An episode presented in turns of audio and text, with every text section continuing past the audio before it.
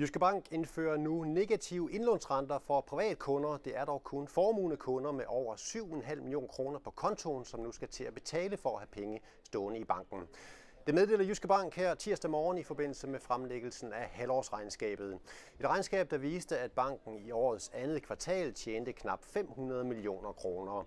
Dermed kommer Jyske Bank ud af første halvår med et samlet overskud på 1,1 milliard kroner. Det er cirka 300 millioner kroner mindre end resultatet i første halvår sidste år.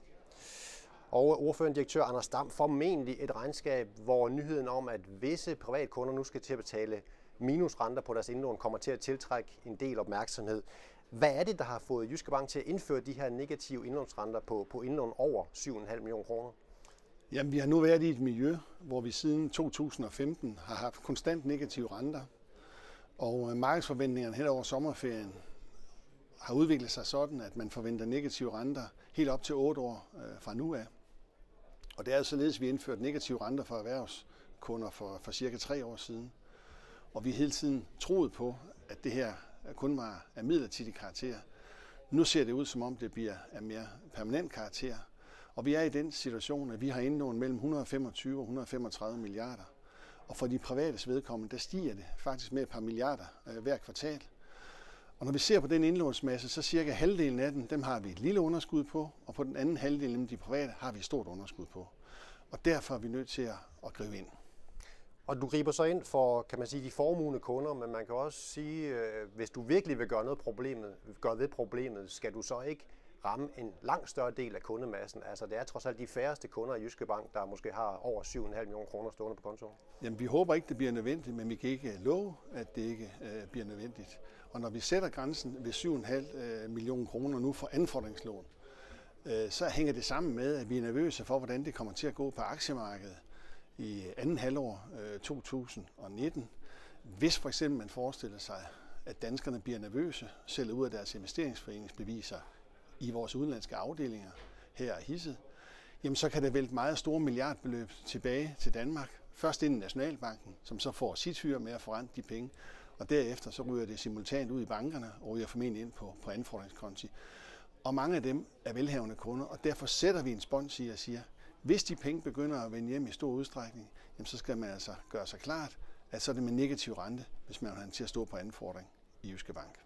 Men det er jo altså et, et koncept, kan vi kalde det, der, der, der kan være lidt svært at forstå. Altså, at man nu skal til at betale for at have, have penge øh, stående i banken. Og nogen vil måske sige, at når du driver en bank, så er det normalt, at du tjener lidt på gyngerne og taber lidt på karusellerne. Altså, skal du ikke bare acceptere, at du har et, et ben, hvor det lige nu er en dårlig forretning? Jo, men vi er jo også nødt til at kigge fremad. Og hvis vi forestiller sig, at Jyske Bank er et skib, der sejler i isfyldt farvand, og vi ser et stort isbjerg, det er jo meget smukt, tog sig frem, så ved folk med lidt kendskab til isbjerge, at de kan godt være smukke at se på, men de er meget, meget farlige nedenunder. Og der gør vi det øh, bevægelse nu, og vi drejer stille og roligt øh, på roret, for at få en rolig bevægelse rundt om det store isbjerg, vi ser, øh, der tårner op sig op foran os. Og det er for at undgå altså alt for voldsom en koalition med det isbjerg. Og med koalitionen mener jeg, jeg tror i løbet af det kommende 1-1,5 år, så begynder vi igen at få tab på vores udlånskunder.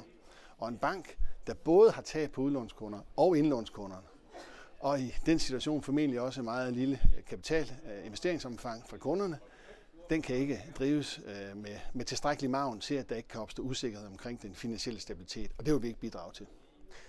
Meldingen om, at man nu skal betale for at have penge stående i, i banken, hvordan tror du, kunderne vil tage imod den? Jamen, vi går jo i gang med at ringe øh, til de kunder, der er tale om her i løbet af i dag. Og i løbet af et par dage, så har vi været i kontakt med dem alle sammen. Vi inviterer dem ind til et møde, hvor vi kan drøfte situationen igen, så de kan placere sig mest muligt hensigtsmæssigt i forhold til den fremtid, der kommer til at gælde fra 1. i 12. 2019. Øh, og igen, jeg skal bare lige forstå, nu, nu, nu går man efter formuende kunder, kan man sige, i første omgang.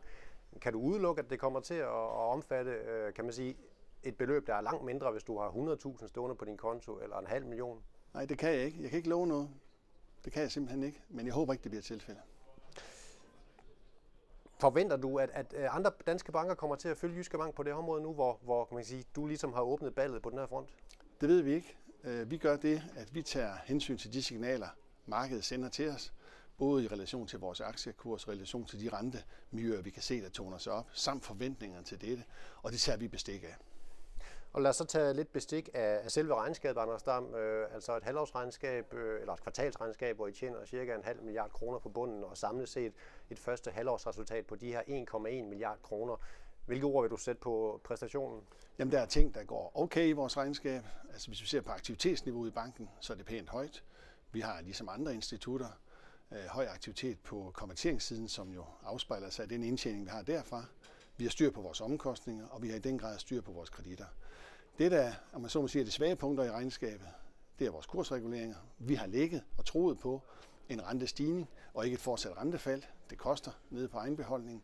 Og så kan man jo se, og det er jo det helt centrale, man kan se, at på trods af et stærkt stigende forretningsomfang over de sidste fem år, så er Jyske Banks renteindtægter i første halvår her 6% under øh, renteniveauet, eller renteindtægterne i 2018 i samme periode. Og det er jo det, der er vores udfordring.